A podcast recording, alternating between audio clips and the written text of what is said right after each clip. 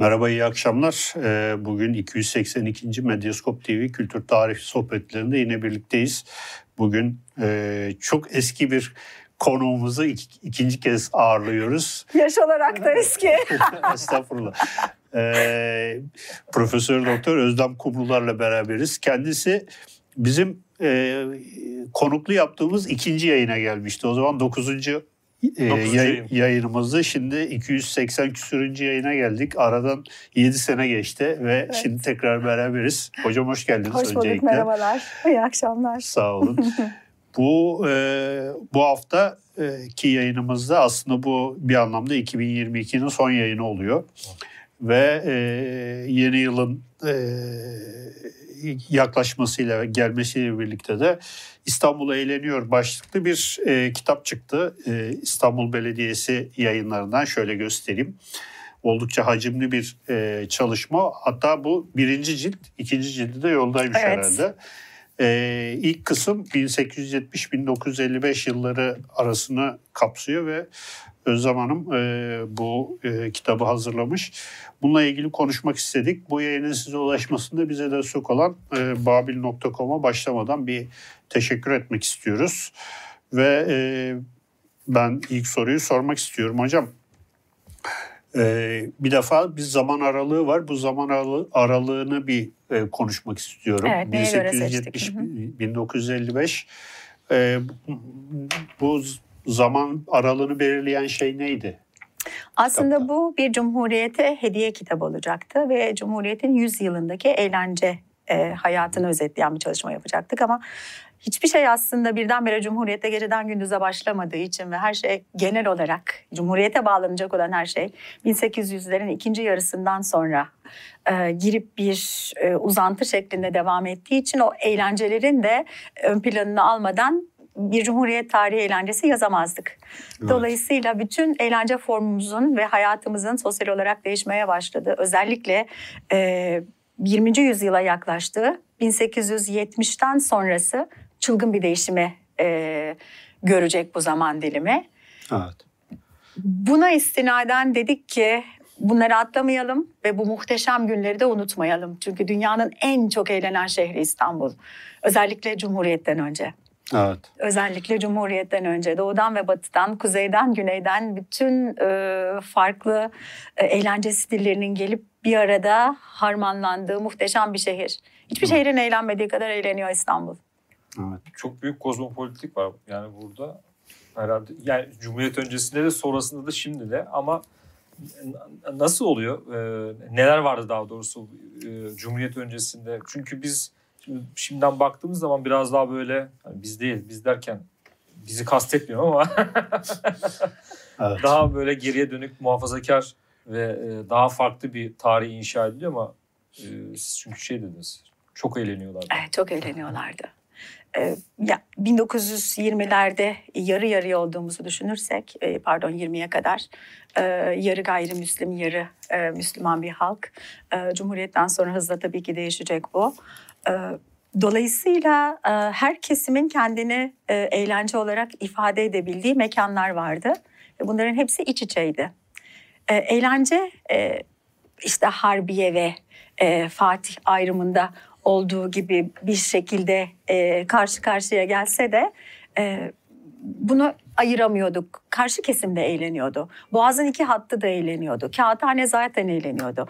Geleneksel olarak eğlenmeye devam eden belirli bölgeler vardı İstanbul'da ama onların dışında her yerde farklı eğlence formları vardı. Çok farklı. Bugüne kadar gelmeyen çok e, değişik, kendi kendini yok eden işte kafe şantanlar gibi, e, Karaköy'deki e, daha tırnak içinde daha düşük hayata hizmet eden balozlar gibi e, farklı bir form içeren çayhaneler, kahvehaneler, kıraathaneler gibi.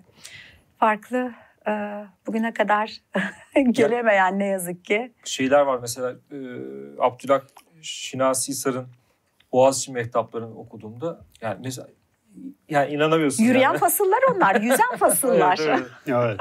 evet. yüzen meyhaneler Yüzen gibi. meyhaneler çünkü e, periferide kalıyorsunuz ve bütün yasaklardan denize girdiğiniz zaman uzaklaşıyorsunuz aslında. her anlamda. Evet. 4. Murat'ın zamanında e, sandalda için insanlar gibi düşünün. Size rahat bir özgürlük sağlıyor. Hem Mehtap e, izliyorsunuz hem Fasıl sizle birlikte geliyor. Gürültü yaparak etrafı ziya- rahatsız etmiyorsunuz. Hem de her türlü yasaktan evet. mahsunuz. Hocam şimdi sizin kitabınız tabii doğal olarak biraz e, Beyoğlu odaklı. Bir, bir- bu Beyoğlu kısmına... Beyoğlu'ndan başlıyor tabii. Evet, Be- Merkez olduğu bah- için. ba- başlıyor. Ee, ben sizin mesela kitabınızı okurken hep böyle aklıma Salah Birsel'in işte Ah Beyoğlu Vah Beyoğlu e, kitabı geldi. İşte e, Kahveler, Kahveler kitabı, kitabı geldi. Siz zaten e, Çok da sık sık e, ona, ona da referans veriyorsunuz. Şimdi mesela e, bir şey e, hep şöyle bir dikotomi vardır işte e, Be- Beyoğlu'nda insanlar acayip eğleniyorlardı ama işte şey tarafında e, tarihi yarımadada ge- akşam ezanından sonra hayat bitiyordu vesaire. Şimdi kitabınızın bir bölümünde de e, işte Gedikpaşa tiyatrolarından ondan sonra direkler arasından vesaireden de bahsediyorsunuz. Ee, ben daha sonra bu e, meseleye tekrar dönmek şartıyla hani şunu sormak istiyorum size. Şimdi e, tabii ki eğlencenin merkezi Beyoğlu ama bir yandan da e, burayı besleyen çok farklı e, sosyolojiler var değil mi? Mesela Beyaz Ruslar geliyor. Ondan sonra bir- 1855'ten sonra İngilizler e, ağırlıklı olarak geliyor. İşgal Bu kuvvetleri geliyor. İşgal kuvvetleri geliyor işte vesaire. Ee, bu e, Hercümerç'in yarattığı e, çeşitlilik bizim eğlence hayatımızı nasıl değiştirmiş veya nasıl etkilemiş? Bir de bunun politik yönleri de vardır illaki. Biraz da onlardan bahsedelim. Mesela hani şey deyince Beyoğlu deyince böyle bizim şey vardır ya e, İşgal İstanbul'u yazınında işte ah o kafirlerle işbirliği yap, yapan yerli mutegallibeler falan gibi. Hani böyle bir e, eğlenmenin artık böyle bir, bir çeşit vatan hainliği olarak algılandığı bir e, alt okuma da gelişti yani. Evet var çünkü e, işgal kuvvetlerinin gelip bütün bu eğlence alanının işgal kuvvetlerine hizmet ettiği zaman da Türkler birazcık sinmek zorunda kalıyorlar. Çok rahat hareket edemiyorlar. Zaten vicdanen çok e, mutlu değiller. Onlar daha çok Sirkeci ve Babali civarındaki kıraathanelerde daha fazla eğlenmeden e, Anadolu'dan gelen haberleri bekliyorlar o dönemde e, Evet. daha çok. E, işgal kuvvetlerinin e, artık yavaş yavaş e, son zamanlarından bahsediyorum. Hı hı. Ama iki e, tarafta farklı eğlence formu var.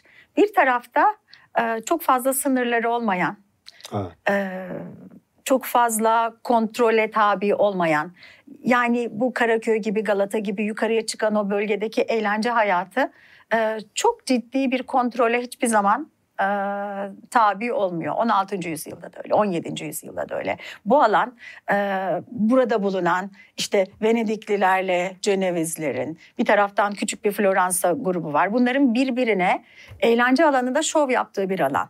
Hangi e, devlet, hangi şehir devleti daha çok eğlenerek diğer devletten daha üstün olacak gibi burası aynı zamanda bir eğlencenin de çarpıştığı e, Hı. ve e, üste çıkmaya çalışılan bir e, dört yol ağzı. Dolayısıyla o zamandan beri yani 1500'lerden beri burada zaten derin bir eğlence formu var. Büyük büyük meyhaneler var. E, Bir bakıyoruz e, Evliya Çelebi beş katlı meyhanelerden bahsediyor. Beş katlı meyhane bugün var mı? Ve Bugün bile zor buluruz. mezelere bir bakıyoruz aman Allah'ım işte menekşeler, menekşeler içine lor peynirleri üzerine sıkılmış limonlar var mı bugün? yani bugün masalarımıza kadar gelmeyen pek çok delikatesinin bulunduğu e, çılgın meyhaneler. Ve bugün mesela İspanya'da, İtalya'da çok iyi bilirsiniz. İnsanlar işten çıkınca eve gitmez. Küçük bir ara vardır. O arada küçük bir sosyalleşme olur.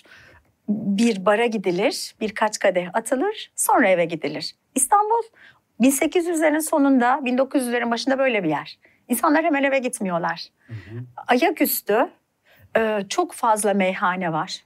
Zaten farklı meyhaneler var. Osmanlı'dan bugüne gelen. İşte daha sonra Selahattin Meyhane olacak, Gedikli meyhaneler. Bunların Koltuk sayısı belli. var. Sonra koltuk meyhaneleri var. Dolayısıyla e, gizli saklı meyhanelerde bir e, haber alınır alınmaz hemen kepenkler iniyor. Çünkü bunların e, ruhsatları yok. Ruhsatları yok. Ruhsatları olmadığı için. Ama yani. kimse de e, zorla o kepengi kapatıp içeriye girmeye çalışmıyor. Hayat içeride devam ediyor. Yani çok ciddi bir baskı da yok aslında eğlence alanında. Osmanlı'da ee, Osmanlı'nın son döneminden de bahsediyoruz. Ee, Menni Müskirat Kanunu gelip ortalığı birazcık karıştırana kadar. Evet. evet. Şimdi hocam burada e, geçen hafta yani bu hafta için bir program vardı. E, Ruşen'le Tarık Çelenk bir program yaptılar ve burada en programın sonunda çok böyle ilginç bir e, tabir kullandı Tarık Çelenk. E, görgü devrimi. Hmm. E, Atatürk devrimleri görgü devrimini getirdi diyor. Yani orada kadınların kadınların ve erkeklerin aynı ortamda bulunması ve on, o şekilde e, eğlenmesi ve medenileşmesi diyelim buna. Evet. Siz de şey dediniz biraz önce konuşurken e, eğlenerek modernleşme. Evet çok ya güzel bunu nasıl e, yani bunu nasıl görebiliriz bu e, İstanbul eğleniyor ama bir evet. yandan da modernleşiyor. Modernleşiyor. Ee, modernleşmekten ne anladığımıza bakar ama kadın erkek ilişkilerinin modernleşmesi açısından modernleşmesi Hı-hı. açısından baktığımız zaman aslında her şeyden önce e, kağıthane çok önemli bir alan. Yani 1700'lerden beri e, insanların piknik yapmak için geldikleri bu açık hava e, eğlenceleri kadınlarla erkeklerin yan yana gelmeye çalıştığı, teyit geçtikleri, birbirlerine pusulalar verdikleri, birbirlerini görüp beğendikleri yerler. O yüzden insanlar eğlenmeye giderken çok özen gösteriyorlar. Bugün mangala giden e, amcalar gibi atlette e, çizgili pijamayla gitmiyorlar.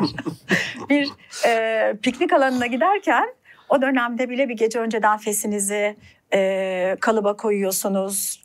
İşte İstanbul'iniz e, üzerinize ne varsa ütüleniyor. Pantolonlarınız, setreleriniz ütüleniyor. E, ayakkabılarınız boyanıyor. Kokular sürüyorsunuz, pudralar sürüyorsunuz. Orası bir catwalk gibi, orası bir e, kendinizi göstereceğiniz bir alan gibi, bir meydan gibi. Piyasa kelimesinin oradan gelmesi hı hı. gibi. Ya daha sonra işte direkler arası da öyle. Piyatsa kelimesinden Piyasa. geliyor. Evet. Meydan, ama insanların birbirini görebildiği, akşam çıkıp dolaşınca tanışma şansı olan yer piyasaya çıkmak da oradan piyasa yap, piyasa, piyasa yapmak, yapmak piyasa yapmak. Tabii piyasa, evet piyasa yapmak piyasadan geliyor. piyasadan geliyor. Dolayısıyla e, eğlence e, kadın erkeği bir araya getiriyor. İlerleyen zamanlar tabii çok muhafazakar alanlardan bahsederken e, kadın erkeğin kapalı alanlar derken dönemde yan yana geldiğini söyleyemeyiz. Kafa, kahvehaneler, çayhaneler vesaire gibi yan yana geçiyorlar. Ama tiyatrolarda e, kadınlara ayrılan bir alan, erkeklere ayrılan bir alan, arada bir paravan. Bunlar aynı alanda 1800'lerin sonunda bulunmaya başlıyorlar. Dolayısıyla e, tanışmak ve e, bir arada aynı şeye birlikte gülmek için de bir fırsat oluyor. Aynı şekilde sinema için. Sinemadaki o paravanın kaldırılması da daha e, Cumhuriyet'in beklenmesi gereken bir olay. Cumhuriyet'ten sonra e, kaldırılacak. Atatürk hatırlamıyorum şu anda hangi gösterimde olduğunu. Hı hı. Ama kadınlar dışarıda bekliyorlar. E, onları da alalım içeri diyecek. Ve ilk defa kadın erkekle yan yana seyredilen, ayrı ayrı seyredilenden bahsetmiyorum. Çünkü kadınlar zaten buraların e, müdavimleri bulunuyorlar. Mesela bu balozlar e, nasıl diyebiliriz? Pavyonların ataları erkeklerin gittiği, kadınların da eğlence alanında onlara sohbet olarak hizmet ettiği, bir fuhuş olarak düşünmeyelim bunu. Sohbet ettiği, eğlendiği, dans ettiği, birlikte vakit geçirdiği yerler. Dolayısıyla o alanı erken paylaştıkları tahmin edebileceğiniz gibi bunlar daha çok Karaköy, Galata bölgesinde varlar. Sonradan kayboluyorlar. Kaybolmuyorlar belki pavyonlara dönüşüyorlar. Evet. Biçim değiştiriyorlar. Evet biçim değiştiriyorlar. Evet. Şimdi bundan iki hafta, üç hafta önce biz e, Uğur Hoca ile bir yayın yaptık hocam. Uğur Tanyeli ile. O çok e, ilginç şeyler anlattı. E, Korku Metropolü İstanbul diye bir e, kitabı çıktı onun Metis yayınlarından. Geçirgen şehir mevzusu. İşte yani e, İstanbul 19. yüzyılın başına kadar son derece e, sınırları belli. Cemaatlerin birbiriyle çok işli dışlı olamadı. Hatta ilk geçirgenlik şeyin mimari olarak e, Unkapanı Köprüsü'nün 2. Mahmut'un Unkapanı Köprüsü'nü yapmasını şey yapıyor. Ondan sonra işte insanlar Beyoğlu'na gitmeye, işte Beyoğlu'ndaki hayatı görmeye ve bu e, kültürlerin yavaş yavaş işte 19. yüzyılın işte başından itibaren, ikinci çeyreğinden itibaren diyelim, yavaş yavaş birbiriyle karşılaştığı bir şeyden bahsetti ve orada ilginç bir şey daha anlattı. Ee, şey dedi, bizde eğlence e, seyirlik bir şeydir. Yani insanlar eğlenceye dahil olmazlar. İşte mesela Tatavla'daki karnavalda e, e, Rumlar hep beraber eğlenirlerken işte şeyde e, Surnameli. Su, sürnamelerde baktığımız zaman işte, işte Müslüman muhitlerinde e, gösteri yapanlar vardır ama halk buna iştirak etmez gibi böyle bir e, şey de yapmış, e, yapmıştı kendisi. Şimdi ben bu, buralardan da biraz yola çıkarak şunu sormak istiyorum. E, bizim Mustafa Koç'la işte yapmış olduğumuz Revnakoğlu yayınında hoca şöyle bir çok ilginç bir şey yapmıştı. Ben de çok şaşırmıştım o zaman. Mesela direkler arasına giden kantocu şeyler var. Bunlar bayağı kanto falan besteliyorlar. Hatta çıkıp oynuyorlar. Yani aktörlük yapıyorlar. İşte tiyatro Adam şey mesela hatta galiba uyarı falan gidiyor yani şeyden e, meşiyat kapısından Babi Meşiyat'tan.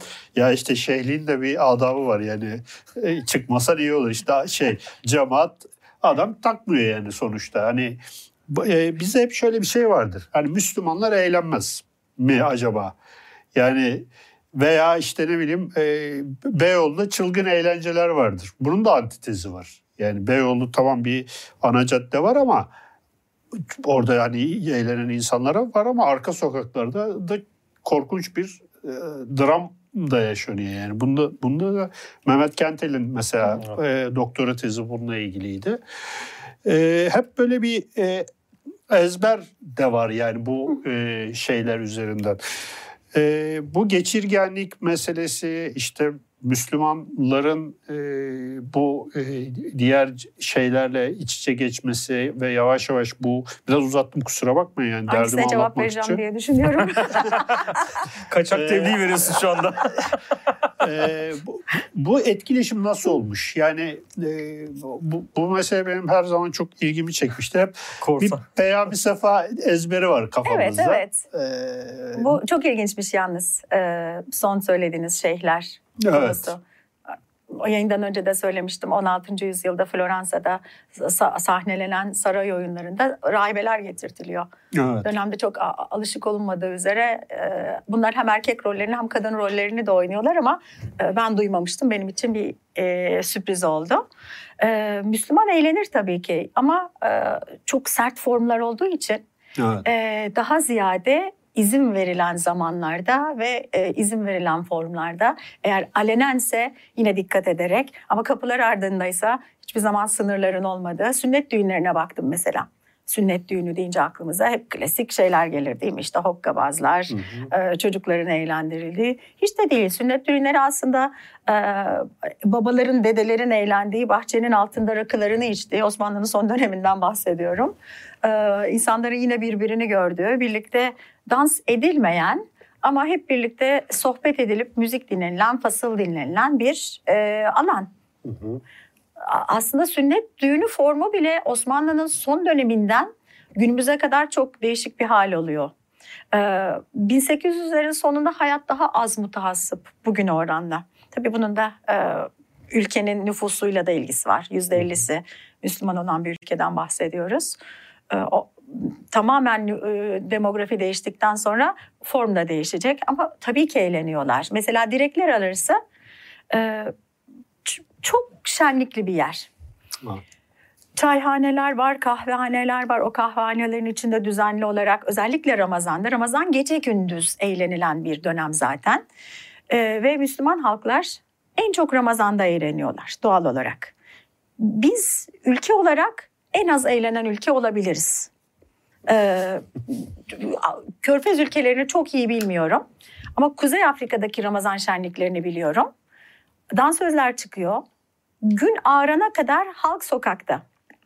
Tunus'ta, Cezayir'de, Fas'ta, Mısır'da çılgınlar gibi eğleniliyor. Yani gerçekten çılgınlar gibi. Erkekler, kadınlar sokaklarda göbek atıyorlar. Otellerin yanında kocaman formlar kuruluyor. Bütün herkes sokakta. Ya bir alkol tüketimi olmuyor tabii ki alenen ama Yapıyorlar. eğlence ayrıca oluyordur. alenen e, alenen yok, zor buluyorsunuz. Ama e, herkes sokakta ve herkes birlikte yan yana. Sabaha kadar ışıklar açık. Gün ağarana kadar ışıklar açık. Dolayısıyla son dönemin o dilekler arası Ramazan şenliklerine baktığımız zaman herkesin bir arada olduğu, en güzel kıyafetlerini giyip dışarı çıktığı, e, kahvehanelere çok o önceden e, oyuncuların işte meddahların planlanıp geldiği, çünkü oralar tiyatro sahnelerine dönüşüyor. Tiyatronun gece gündüz hizmet verdiği, e, konserlerin, fasılların olduğu, e, ilerleyen zamanda da artık e, caz gruplarının geldiği bir alan haline e, geliyor. E, Fatih de çok eğleniyor. Orada da Evet. çok fazla tiyatro var, sinema var. E, Fatih bugünün Fatih'inden çok daha farklı bir alan. Ve e, kıraathaneler deyince aklımıza bugün e, okey vesaire geliyor ama o dönemde projeksiyonla film gösteren, insanların gelip e, film izlediği, yine küçük oyunların yapıldığı, e, gösteri sanatlarının canlı olduğu bir alan aslında kıraathanede. Evet. Bu e, şimdi cazdan bahsedince aklıma geldi. E, Frederick Thomas diye bir adam geliyor. Siyah Rus. Siyah Şeyden Rus. de hatta e, İş Bankası'ndan da onun kitabı kitabı çıktı. Ya mesela çok ilginç bir şey. E, Maxim şeyini kuruyor işte. Ma- Bugünkü Maxim gazinosu. Gerçi Maxim kalmadı da. E, ve gelir gelmez caz müziğini getirip kucağımıza bırakıyor yani. Ve bu çok hızlı bir şekilde kabul ediyor. Bu yani çok ilginç bir durum değil mi? Ne kadar yani mu- muhtemelen caz herhalde 1920'lerde Evet. e, Senkron. yani New New Orleans'ta da yeni yeni icra edilen Evet, bir şeydir zaten yani. şuna dikkat ettim. Biz e, çok çabuk kabullenen, çok çabuk içimize alan, çok çabuk barışan, e, çok çabuk adapte olan bir halkız aslında.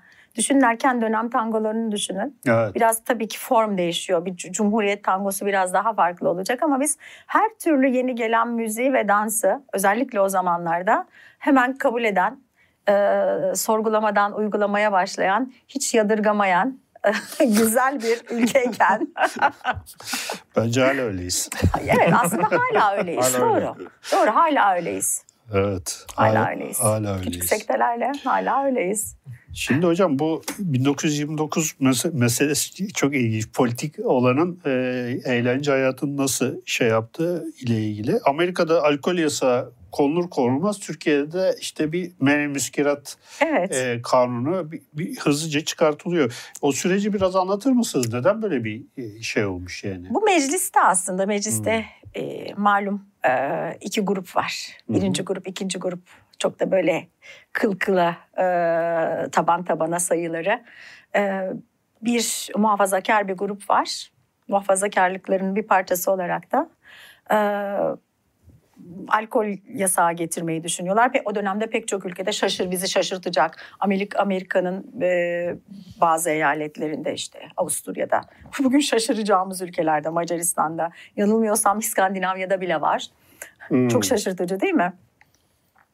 Ve e, oylamaya sunuluyor. Birebir geliyor. Ve e, meclis başkanının da oylamasıyla bir oy farkla kabul ediliyor. Aslında bu birinci grupla ikinci grubun da e, ne durumda olduğunu gösteriyor. Hmm. İyi bir gösterge aslında bu. 50-50. Ama bu evet bunların içinde işte Tunalı Hilmi gibi meşhur Tunalı Hilmi gibi e, Yeşil Ağacı bir grup da var. İlerleyen zamanlarda Mazhar Osman'ı göreceğiz çılgın bir şekilde karşı gelecek alkol kullanımına, alkol tüketimine. E, önce Ankara'da başlıyor sonra İstanbul'a gelecek e, ve e, her e, yasakta olduğu gibi hiçbir şekilde önüne geçilemeyecek. E, Ankara'da. Kanunlaşıyor yani bu. Evet kanunlaşıyor Evet. kanunlaşıyor. 20'den 24'e kadar yanılmıyorsam 4 yıl kadar sürecek yoksa 6 yıl mı sürecek? Ama 20'de başlayacak yanılmıyorsam. Ee, ve e, Ankara'da rakı tüketimine alternatif olarak bir polis e, gizlice rakı satmaya başlayacak. Yasak çünkü. Adı da Dilaver. Ankara'da hmm. rakının adı Dilaver suyu olacak. Sonra İstanbul'a gelecek. İstanbul'da toplu olarak insanların gözleri önünde o şampanyalar, bordo şarapları, gözyaşları içinde sahilde denize dökülecek. Bütün işletmeler bundan men edilecek. Ve sadece e, alkollü içki satarak ayakta duran müesseseler yavaş yavaş kuru fasulye pilav yapmaya başlayacaklar. Bu dönemde jargon değişecek tabii ki bugün de olduğu gibi. Çayınızı sıcak mı isterseniz soğuk mu? Sorusunun cevabı. Evet. Geç bir şekilde e, evet. alkol harekatı hareketi engellenemeyecek ama bayağı zor zamanlar yaşanacak. Özellikle İstanbul'da. Çünkü İstanbul'a daha sonradan gelecek yasak. Hı hı. Çok da fazla tutunamayacak. Burada hocam şeyi de e, bahsetmek gerekiyor herhalde. Çünkü yakın zamanda da sosyal medyada da e, konusu geçti. Pastaneler özellikle size Lebon Pastanesi ile başlamışsınız. Lebon Pastanesi, sorun Markiz. Pastaneler de var. Pastaneler de var, evet. E, pasta da geç gelen bir e, bir öğesi olduğu için eğlence hayatımızın, eğlence ve e, gastronomi hayatımızın. Kafeler çok önemli. E, kafelerle birlikte pastaneler de çok önemli. E, çünkü insanların sessiz bir ortamda konuşabildikleri ve müdavim olabildikleri yerler bunlar. Ee, ve daha çok dolayısıyla e, e, entelektüel grupların yan yana geldiği bir ev olarak bellediği mesela Baylam Pastanesi. Hı hı. Bir jenerasyonun çıktığı, bir dönem yazarların adresi olarak kullandığı e, yerler. Onlara sadece e, pastane diye de bakmayalım. Çünkü Edebiyat mahfili gibi yani. Evet, evet. İnsanların ikinci adresleri ama e, gün içinde profilleri ve müdavim kadrosu da değişiyor. Evet. Sabah işte erkenciler geliyor ya da gececiler geliyor. Sonra yavaş yavaş e, ev kadınları gelmeye başlıyor. Sonra e, akşama doğru e, yazarlar gelmeye başlıyor. Ve e, kahvehaneler ve pastaneler, pastanelerden ziyade kahvehaneler ve kafeler pardon, insanların e, eve dönmemek istedikleri zaman geceyi geçirdiği yerlerde. Ya yani bugün biz nasıl e, Taksim'de eğlendiğimiz zaman gece eve nasıl döneceğiz diye düşünüyoruz. Düşünmeyen var mı? Yok. Yok. Eve nasıl döneceğiz? o, o dönemde de çok büyük bir sorun. Taksi problemi var. Çok şu büyük. Var. Mesela romanlara bakıyorum nasıl eğleniyor insanlar? Aynı bizim gibi. Önce bir e, tiyatro öncesi bir iki tek atmaya bir yere gidiyorlar. Sonra operaya, tiyatroya neye gideceklerse giriyorlar. Sonra da çıkıp eve nasıl döneceğiz diye düşünmeye başlıyorlar. İşte bu ara yağmur yağarsa at arabaları insanları almamaya başlıyor. Aynı taksiler gibi. at arabaları. Hiç değişmiyor yani. hiç değişmiyor. At arabaları insanları atlı arabaları almamaya başlayınca da bunlar alternatif olarak Beyoğlu çevrelerindeki randevu evlerine sığmaya başlıyorlar. Buralarda pansiyonlar var, randevu evleri var, oteller var. Oteller tabii ki çok e, pahalı olduğu için böyle küçük küçük kalınabilecek odalar var. Hmm. Pansiyon gibi. Pansiyon gibi. Evet. İsterseniz bu pansiyona gidiyorsunuz. Eden kaçmışsınız bir randevu evine gidiyorsunuz. Bunu romanlardan görüyoruz tabii evet. ki. Ee, özellikle Ahmet Mithat Efendi'nin romanlarında e, İstanbul eğlence hayatı çok net bir şekilde resmediliyor. Evet. Son şans oteli. Keşke daha çok yazsaymış. Keşke daha çok yazsaymış bütün bu dönemi e, bir tablo gibi resmediyor ve çok eğlenmiş gerçekten. Ahmet Rasim'in Onun de kadar böyle. evet evet. Ahmet Rasim'in de evet. vardır. Hepsinin var. Yani içinde eğlence geçmeyen e, roman, erken dönem romanları Hı-hı. diyorum zaten 1800'lerin sonuna gel gelebildiği için bize zavallı roman. Evet. Yıllar önce roman yazsaydık bunların hiçbirini yazmakta zorlanmayacak. Şöyle biz de başlasaydık 1600'lerden beri roman yazmaya. Evet. Muhteşem bir sosyal tarihimiz olacaktı ama Hocam şimdi biraz güncele dönelim. Ee, Noel kutlamaları. yani yılbaşı kutlamaları. Bu sene kaç Noel Baba dövdük? evet şimdi bu son dönemde böyle bir ya aslında son 20 senedir falan ya ben 70'lerde 80 80'lerden başlayan bir şey. 70'lerde hiç böyle mevzular olmazdı. Yani herkes dansöz. Bu, bu sene kim Nesrin Topkapı mı çıkacak dansöz olarak? Kim çıkacak? O işte Zeki Müren çıkacak mı e, Evet. yıl, her yıl başında? Televizyonda dansöz görebildiğimiz yıllardan bahsediyoruz. Evet, evet. Milli Ee, Piyango'nun şeyinin büyük ikramiyesi ne kadar olur? Ta- Ha, işte. tartışılan konular bunlar. yani yılbaşı eğlence programları bayağı meyhanede Evet, evet. çekilirdi yani hani Evet. herkesin e, şey yaptığı Televizyonda falan. gösterilirdi. Evet. Neyse şimdi e, bu e, Türkiye'de yılbaşı kutlamaları e, ne zaman başlıyor bu balo yılbaşı baloları vesaire ve bu e, yılbaşı Noel tartışmaları ne Evet. zaman başlıyor? Biraz onlardan da bahsedebilir miyiz? Evet yani dört farklı yılbaşı olduğu için bir tanesi Hı hı. Hicri, e, bir tanesi işte Gregoryen, Ortodoksların e, ayrı bir yılbaşı, bir de mali yılbaşı var. Ayın biri. O Evet. da bir tören aslında gidiliyor. Balık alınıyor işte en güzeli padişaha veriliyor. Hep birlikte el öpülüyor, defterler kapatılıyor, envanterler kapatılıyor, kapatılıyor falan. Ayrı bir e, yılbaşı. E, Müslüman yılbaşı e, hicri takvime göre olan ve dolayısıyla sürekli değişen bayram şeklinde geçiyor. El öpülüyor, büyüklere saygı gösteriliyor küçük bir kutlama şeklinde. Ee, en çok eğlenense tabii ki aslında İstanbul'da en çok eğlenenler Katoliklerden çok Ortodokslar, Rum Ortodokslar. Hmm. Yani bizim eğlence hayatımızın formunu belirleyen eğlenceler aslında Rum geleneğinden çıkıyor. E, Dolayısıyla e, onların e, yeni yılı kutladığı zamanlarda yani şöyle diyorum bu zamanlarda diyorum çünkü Noel'den başlayıp e, 6 Ocağı kadar gelen o alan o- o dönemde e, büyük şenlikler yapılıyor. E, Rumlar gidip eğlenirken Türkler de geri kalmak istemiyorlar. Sokakta yapılan bütün eğlencelere kat, kat- katılıyorlar. Onlara ayak uydurmaya çalışıyorlar. Ee, işte gidip me- mezeler tüketiliyor. Sirkeci'de, orada, burada, Tatavla'da. Bu, bu şenliklere de katılıyorlar. Bu uzun bir süreç. Her ne kadar evde olan bir dönem olsa da bu evde kutlanan, aile içinde kutlanan tabii dışarıya da tezahür ediyor. Genel olarak artık takvime geçildikten sonra bizim Gregorian takvimiyle birlikte 31 Aralığında e, yılbaşı olmasıyla birlikte Cumhuriyet de buna ayak uydurmaya başlayacak. Bu sefer biz gerçekten yeni yılı küçük küçük kutlamaya başlayacağız. Ve bu kutlamalar için de yine önce bir e, karşı tarafa geçme heyecanı. Köprüden Taksim tarafına. İşte burada gazinolar, bilardo salonları, e, küçük hala son kalan kafe şantanlar, e, insanların geceyi geçirebilip yine sabaha doğru eve nasıl gideceğim diye düşündüğü ve böyle zamanlarda da sabah kahveleri var. Gidiyorsunuz orada bir kahve içip bir yerde uyuyorsunuz. Ertesi sabah yola çıkabiliyorsunuz. Evet. sabah kahveleri dönemediyseniz. Böyle bir gelenek başlayacak. Ee, Cumhuriyet'le birlikte işte teyyare pilav piyangosu çıkacak. Bu bir e, hep birlikte kullanılan içine şampanyanın, kuru yemişin vesairenin girdiği ki 80'lere kadar çok popülerdi. Evet. Annem Merkez Bankası'nda çalışırdı. Her sene eve kocaman içi şampanyalar ve kuru yemişler dolu, dolu sepetler gelirdi. 80'lerde çok popülerdi bu. 1920'lerde de var bunlar. 20'lerde, 30'larda yavaş yavaş çıkmaya başlayacak bunlar.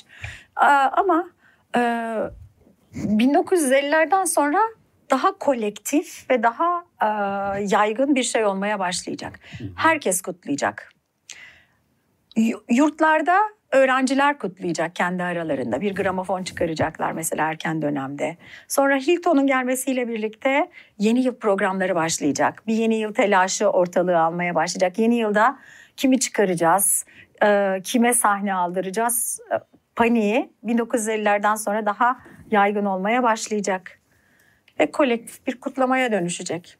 Noel Baba'ya gelince de Evet, bunu da atlamayalım o çok ilginç. İki tane Kim bu Noel Baba var.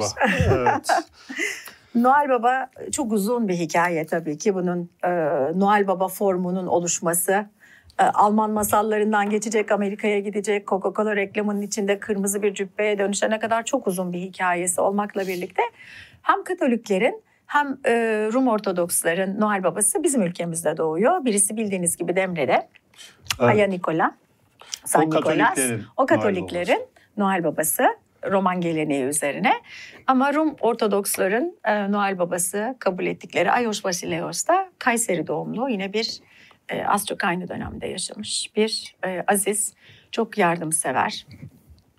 Aynı San Nikola gibi işte e, fakirlere, çocuklara, e, evlenmek isteyenlere çeyiz sağlayan bir e, halk kahramanına dönüşen yardımsever bir aziz. Evet. Sula Bozis diyecek ki e, Kapadokya Mutfağı kitabında çok ilginç bir detay. Kapadokya çok geniş bir alan. Bugün baktığımızda sadece birkaç işte Kasaba gibi gözüküyor. birkaç evet birkaç şehrin bir parçası gibi gözüküyor. Aha. İşte Aksaray olsun, Kayseri olsun, Niğde olsun o alan gibi gözüküyor ama aslında bayağı geniş bir alan. Konya'dan Antalya'ya kadar inecek. Bayağı İç Anadolu'nda büyük bir kısmını kaplayan bir alandan bahsediyoruz. Burada bir gelenek var ve e, Noel zamanı çocuklar çatılardan aşağıya küçük hediyeler atıyorlar Hmm. bir sarkaçla evin zenginleri de daha çok zengin evleri seçiyorlar tabii ki. Onlar da küçük bir altın koyarak tabağa geri gönderiyorlar. Dolayısıyla e, Sula Bozis'in iddiasına göre e, bacadan girip çıkma Aa. hikayesinin bir parçası da buradan gitmiş olabilir mi? Yine Avrupa'ya düşüncesi. Çünkü çok herkesin bir fikri var Noel Baba ile ilgili de. Evet. Bugüne kadar gelen kırmızı cübbeli Noel Baba ile ilgili. Bir de Ayaz Dede vardı yakın zamanlara kadar. Ben o konuya çok girmek istemiyorum. Ben Ee, şey yapayım. Çünkü Bir işte bu Nardogan, Ayaz Dede herkes bir şey söylüyor. Ben birinci el kaynak görmeden bir şey söylemek istemiyorum ama e, bu- buna bu tartışmaya ve bu, bu e, İstanbul ya daha doğrusu Türkiye yanlış bilgilerin çok çabuk yayıldığı Evet. bir yer ya. Ben gözümle görmediğim kaynak konusunda çok konuşmak istemiyorum ama Ahmet Taşal hocamız e, çok fazla e, kaynakla e, haşır neşir olduğu için böyle bir şeyle e, karşılaşmadığını söylemiş. Benim de e, ilgi alanım olmadığı için ben bir şey söylemek istemiyorum. Yaşar Çorul Hoca'nın kitaplarında da denk gelmedim böyle bir şeye. Sorudan böyle bana da şey bir şey Evet, geliyor. evet. Yani çok birden bir iki sene içinde çıktı. Evet. Böyle, ama bu sene artık kutlanmıyor galiba öyle bir şey. Ayaz'ı, Ayaz'ı dedeyi Ayaz'a bıraktılar. E, e, Eski Mısır'da var yine e, çam ağacına benzer şeylerin süslenmesi. Zaten ölümsüzlük sembolüdür de bir taraftan yaprak e, dö- dökmeyen böyle evergreen ağaçlar. Evet. Nahıl, nahıl falan da var. Nah- Ben- Nahıl tabii o doğru. da var yani. Doğru nahıl. Nahıl, Ben Nahıl arada süslemek. paylaşırım sırf şey olsun diye. Noel değil nahıl ağacı süsleyelim falan diye. ya itiraz da edilmiyor. Ya Sonuçta şeyde- var yani. şeyler yani tarih tarih metinlerinde var. Nahıl ağacını geçirmek için ev yıkıyorlar yani. O- Evet, çok- evet. O kadar Cumbalar- büyük ki. Cumbalardan geçemeyince o cumbaları Çok- ne yıkıyorlar. kadar Sonra devlet e, ödüyor. Ve Çok fazla çeşit var bakıyorum. O papaz yapıyorlar. Ya papaz yapıyorlar şekerden. Sadece ağaç da değil. E, çeşit çeşit hayvanlar yapıyorlar. Çeşit çeşit e, işte ge- yıldızlar, güneşler. Akla hayale gelmeyecek şeyler. Devasa şekerler düşünün. Evet. Evet. Bu Avrupa'da da var tabii ama Avrupa'da bizdeki gibi çılgın gibi kırılıp yenilmiyor. Buradaki amacı kırmak ve normalde şeker bulamayan halka 16. yüzyılda şeker kimin evinde var? Tabii. Halkın yüzde altısında şey. ev var. Çok kıymetli bir şey. Her şey balla yapılıyor, pekmezle yapılıyor. Dağıtılıp her, herkese bir parça şeker düşmesi. Evet. Hocam şimdi kitabın sonuna doğru e, İkinci Dünya Savaşı'ndan sonraki bu işte Amerikan e, e, kültürünün işte Missouri ile birlikte gelen e, eğlence kültürünün değişmesinden bahsediyorsunuz. Zaten 55 6-7 Eylül olayları o bir kırılma Bir noktası kırılma tabii. noktası olacak tabii. O aradaki dönem e, de ne oluyor? Mesela hani baktığınız zaman bu Marshall yardımları işte Amerika e, ya zaten bütün dünyada böyle bir kültürel dönüşüm de var. Amerikan hegemonyası vesaire. Bu bizim e, şeyi nasıl değiştirmiş? E, eğlence hayatımızı. E, köklü bir değişiklik olmuş mu yani? Köklü bir değişiklik e, yavaş yavaş artık 50'lerin sonundan sonra ve yavaş yavaş rock'n'roll'un girmesiyle olacak. Hı hı. Dolayısıyla bu sayede biz de rock'n'roll'a çok hızlı bir giriş yapmış olacağız. Caz gibi yani. Caz gibi. evet. Barlar falan açılıyor. Barlar Değil mi? açılacak. Öncelikle a- a- bu askerlerin geldiği alanda e, bu aşağıdaki işte sahil şeridinde Karaköy, Karaköy'den Tophane'ye kadar uzanan alanda diğer tarafa çok fazla bar açılacak. Sonra açıldığı gibi büyük bir kısmı misyonunu tamamlayarak e, kapatacak. Ama her şeyden önce dediğim gibi e, notalar gelmeye başlayacak. Erol Büyükburç'la röportaj yapmıştım yıllar önce. Hmm. Biz derdi giderdik askerlerin gelmesini beklerdik sahilde. Onlarla nota alırdık. Evet. Partisyon yoktu çünkü. Yani gitar mitar bulabiliyorduk ama bu e, bunları çalabileceğimiz bir şeyler e, çalabileceğimiz partisyonlar yoktu. Şarkıları da yavaş yavaş dinliyorduk ama plaklar yoktu zaten. Yani Odeon gibi işte His Master's Voice gibi şeyler zaten İstanbul'da çok uzun zamandır var ama yeni çıkan şeylerin hemen gelmesini sağlayacak olan aslında bu e, siyasi birliktelik, siyasi gölge de olacak. Evet. Ve yavaş yavaş e, cereyanlı gitar gelmeye başlayacak. Moğolların basçısı sevgili Taner Öngür anlatmıştı. İlk çarpılmasını. E, gitardan mı çarpılmış? Gitardan çarpılmış çünkü görmüş ki elektrikli bir şey var. Ben de yaparım bundan demiş. Yapıp prize sormuş. ee, kısa devre Dolayısıyla e, bizim e, güzel müzik anlayışımızı Evet. Kaliteli müzik anlayışımızın da değişmesine e, ön ayak olacak bir hareket. E, evet. E, bir e, ne diyelim? E, rock dünyası mensubu olarak. Evet. Eski bir rocker olarak. Eski bir rocker olarak. Hayır, ben şeyi hatırlıyorum hocam. Mesela Tophane'de Amerikan pazarı vardı bizim çocukluğumuzda. Hani şimdiki nargileci, evet. gerçi nargilecileri de söktüler attılar da. Orada hani 90'lı yılların ortalarına kadar da vardı o Amerikan evet, pazarı. Evet. Ee, ama mesela şöyle bir şey vardı. 70'li yıllarda falan hani işte ben 10 yaşındayken falan 10-12 yaşındayken böyle kot pantolon yoktu yani. Hani kot kot pantolon diye bir şey yani çok nadir bulunan bir şeydi. Hatta onun eskitilmişi makbuldü bilmem ne. Millet gidip oradan işte Amerikan pazarından veya işte Amerikan askerinden bilmem nereden kot peşinde koşardı. Yani böyle bir şey vardı yani. Kot Çok... kumaşını Amerika'ya ilk gönderen Osmanlı. Öyle mi? Aa, evet. Bak onu da bilmiyordum. Halil Hoca'nın her zaman hatırlattığı sevgili Halil İnalcık hocamızın hatırlattığı detay. Ee, bir detayı daha unutuyoruz. Ne diyecektim ben? Hmm, ilginç bir şey daha geliyor 50'lerde Halide Edip de bunu yazmadan edememiş. Striptiz geliyor. Öyle mi? Ha. Çoluk çocuk striptizciye gidiyorlar. Yaş sınırı yok muymuş o zaman? yani çoluk çocuk derken Slobozis'in ağzından dinledim. Ee, tabii o zamanlar e, ortaokulda mı, lisede mi? E, aile nereye götürürse gidiyor. İşte bu dört, dört motorlu Pamela geliyor. dört motorlu Pamela hem poposunda hem memelerinde böyle fırfırları var onları çeviriyor. Bu, şey, marifeti bu yani. Marifeti bu ama şaşırılacak marifet. Slobozis evet. anlatınca çok daha etkin oluyor. Ben onun gibi güzel anlatamam. Her tarafa nasıl senkron olarak çevirdiğini ve bunun insanüstü bir şey olduğunu. Hep birlikte gidiyorlar.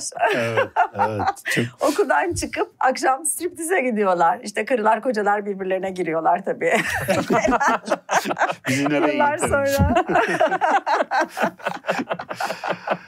Yok baktım bakmadın ama e, bir süre e, hatta bayağı büyük yerlere geliyor.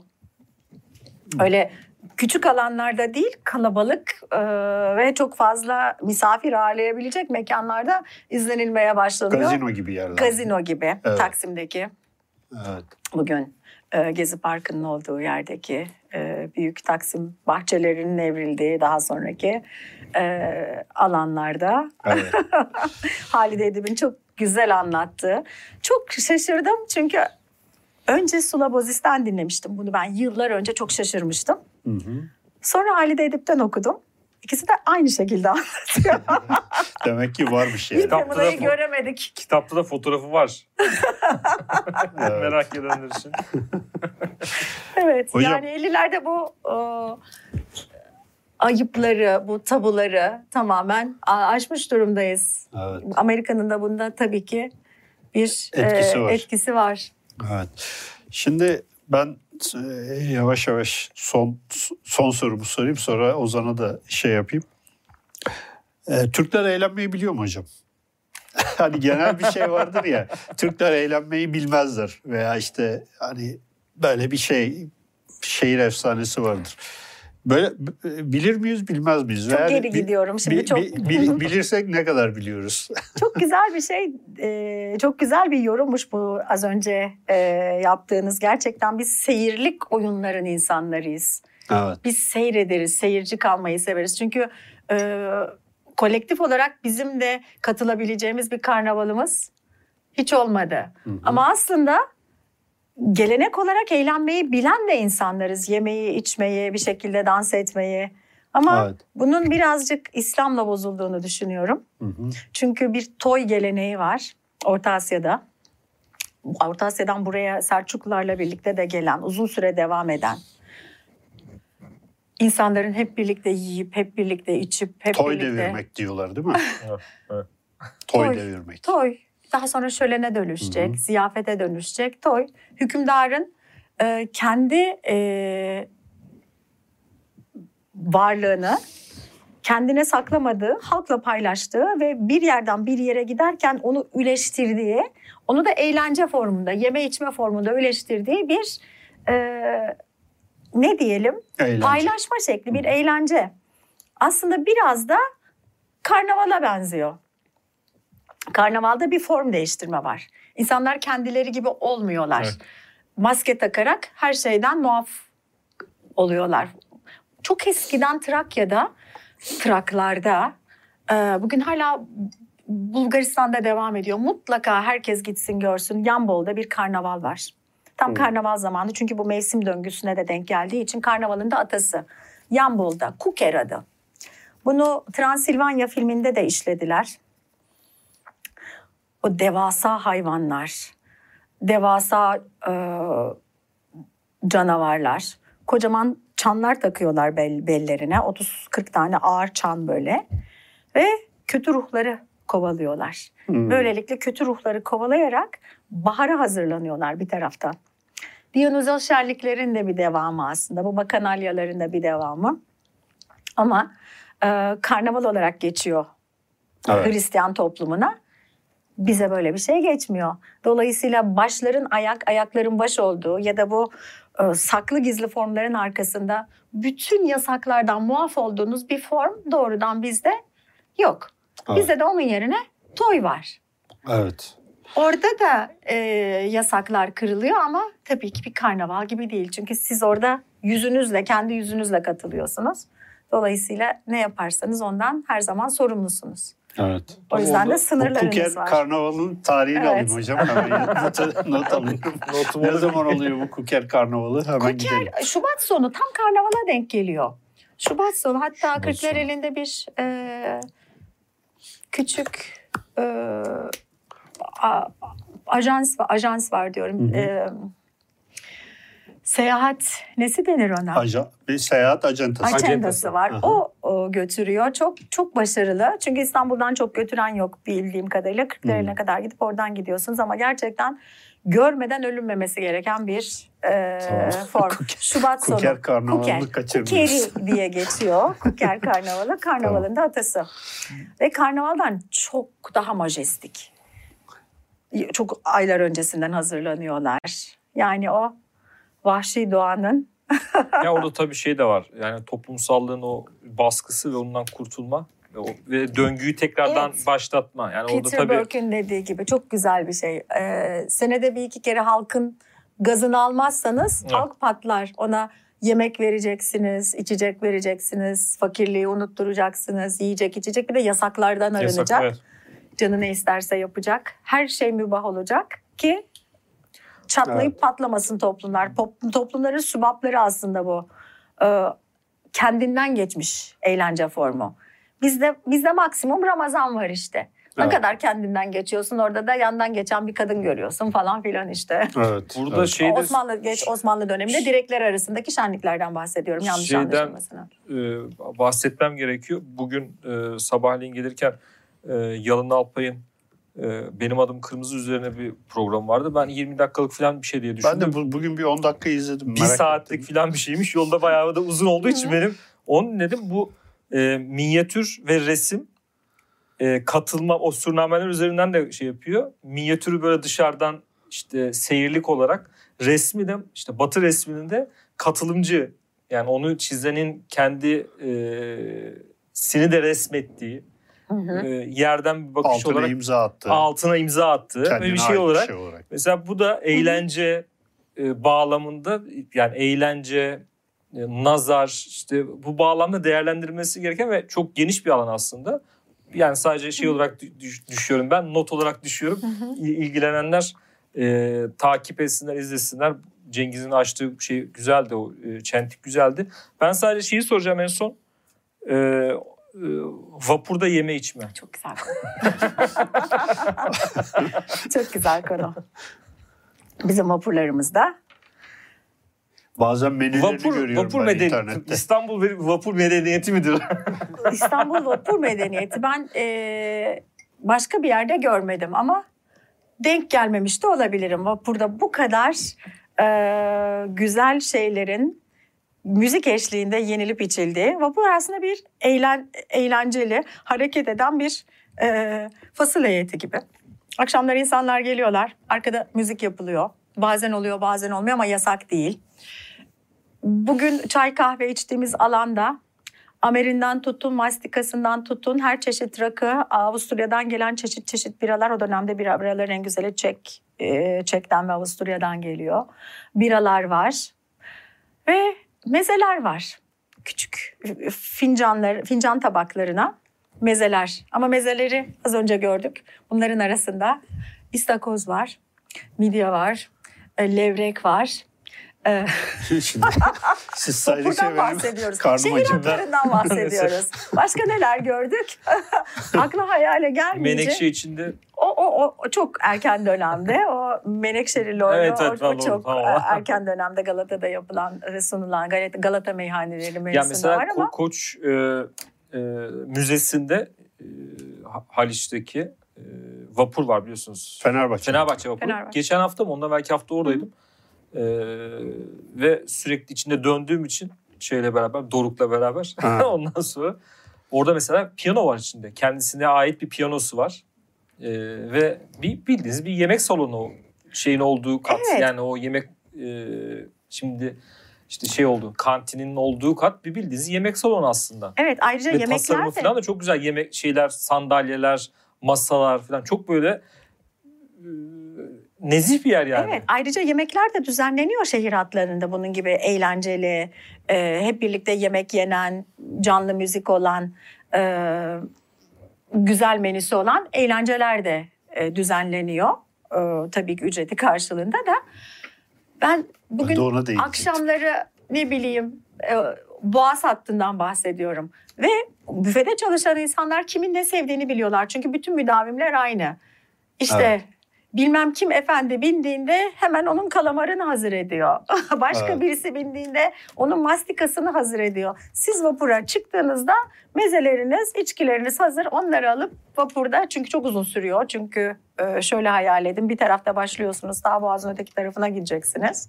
O uzun yol boyunca demlenerek mutlu mutlu arkadaşlarınıza sohbet ederek arkada bir fasıl heyeti varsa onu dinleyerek gidebiliyorsunuz. Normal şehir hatlarından Tabii bahsediyoruz. şey, şunu da söylemek gerekiyor. Ben, e, benim e, işte ortaokuldayken falan çalışıyor, çalışıyordum. Babamın arkadaşı Murat abi. Hebeliada'da yaşıyordu. E, ondan sonra şey diyordu işte giderken e, Tabii haftası cumartesi günü falan işte adaya gidiyordu. Adaya giderken hazırlığını yapıyordu. Şeyde kıç kıç şeyde e, açık alanda şeyini hazırlıyorlardı. Ondan sonra adaya gidene kadar ufak ufak demleniyorlardı. Hala yapıyorlar onu. Merak etme yani. Bizim irtibatımız kalmadı gidenle gelenle. bir saatlik yapan, meyve. yapan yapıyor yani merak etme. Neyse. Vatandaşa yasak çok sökmez. Hani Osmanlı'da Osman- yasak üç gündür lafı var ya. Kanunu. O Üç hikaye yani. Sigarasını içen de içiyor. Yani fazla ayrıntı vermiyorum ama o, o- o işler bitmez Türkiye'de yani. Hani Çünkü hani e, bizim milletin şöyle bir e, ilginç yanı var. Yani tamam e, kanun yasak vesaire ama yani her yasak e, bir şey var. Yani yasağı koyan da aslında o yasağın ne kadar uygulanmayacağını bilerek koyuyor ve işte o sürekli bir güncelleniyor vesaire falan filan. Yani e, o, o açıdan e, vatandaş e, kendi çaresini bulur. Bir de bu vapurlar konusunda hani şeyi de kaçırmamak lazım. E, bu eğlence falan dışarıdan çok hoş gözüküyor falan filan ama orada da bir birinci sınıf, ikinci tabii, sınıf, tabii. üçüncü sınıf. Yani o eğlenenler toplumun tamamı değil. Şimdi yani, şimdi yok mesela çok. Şimdi yok, şimdi yok tabii evet. eskiden yani vapurun en berbat kısmı e, şeyden indiğin zaman üçüncü sınıf aşağıda üçüncü sınıfta insanları yoksullara öyle bir şey yok. Yani onun da sınıfsal bir yeri tabii, var. Tabii, Anlatabiliyor var, muyum? Tabii. Yani insanlarda hep tabii. şöyle bir şey var. Olan ee, birinci birinci mevki. Tabii. Evet. İnsanlarda hep şöyle bir şey var. İşte eskiden efendim çok güzel İstanbul işte şahaneydi. İşte 19. yüzyılda yaşasaydık falan bu sosyal medyanın da etkisi. Herkes bakıyor işte şeyde e, Beyoğlu'nda işte herkes çok şık vesaire. Ya geçenlerde işte sizin fa- kitapta da adı geçiyor. Faik Şenol'un ben bir fotoğraf sergisine gittim. Yani foto muhabiri adam 1930'lu yıllarda iki yoksulluğun haddi hesabı yok yani insanların üstü başı dökülüyor yani. Yani yama üstüne yama bilmem ne falan filan. Evet. O açıdan hani meselenin e, sınıfsal bir yanı var yani hep. Bir de şunu söyleyeceğim. Bu çok ilginç aslında. Herhalde 2000'lerin ortalarında filandı. Bu şehir hatlarına tekrardan sınıflı bir şey getirdiler herhalde. Birinci sınıf ve bir ara bir öyle bir denediler ama tutmadı. Çünkü artık yani bir de insanların Toplum talepleri eşitliğe alışmış. eşitliğe alışmış yani. Öyle bir durum evet, da var evet, yani. Bir hatırlıyorum onu. Arka tarafta böyle bir masa sandalyeler falan evet. koydular. Millet de bir protesto etti. Bilmem o zaman sosyal medya yoktu ama gene bir bir şey oldu yani. Yani ben yanlış hatırlamıyorum değil mi? Yani tabii öyle tabii bir şey doğru oldu. hatırlıyorsun. Vardı o. Birkaç vapurda onu denediler. Arka tarafa salon malon koydular ama şey yok gene tabii. Ya şimdi adaya gidiyorsun. Üçüncü mevkide daha büyük eğlence var. Tamam mazot falan kokuyor ama ben hani aşağıda çok yani eğlenmişizdir yani. Halkada mı gidiyorsun? Yukarıda köz köz oturacağım ama çay, çay kahve aşağıda daha çok eğlenirim yani. Hocam bizde rütük mütük yok böyle. Allah ne verdiyse gidiyorsun. Yani. Neyse güzel bir sohbet oldu. Hocam çok teşekkür Biz ediyoruz. Biz çok teşekkür ederiz. Ee, çok eğlendim. Yeni yılda da böyle eğlenerek Hepinize iyi seneler olsun diyelim. Gi- girdik. İstanbul Çok güzel bir yıl olsun. Çok sürprizli bir yıl olsun. Hepimizi evet. şaşırtsın artık ne olur. evet. E, güzel bir sene diliyoruz. Bu kitabı da e, edinirseniz e, içinde e, gayet güzel hem bol görselli hem de bayağı ayrıntılı anılara dayanan edebiyat e, alıntıları da olan içinde çok güzel bir kitap. E, bugün 282 değil mi? 282 bir mi? E, biz de karıştırdık artık. 282. diyelim. Medyaskop TV Kültür Tarih Sohbetlerinde 2022'nin son e, kaydını gerçekleştirdik. Son yayınını yaptık. E, bize lütfedip konuk olan Profesör Doktor Özlem Kumrular'a tekrardan teşekkür ediyoruz. E, ve hepinize iyi yıllar diliyoruz. İyi akşamlar.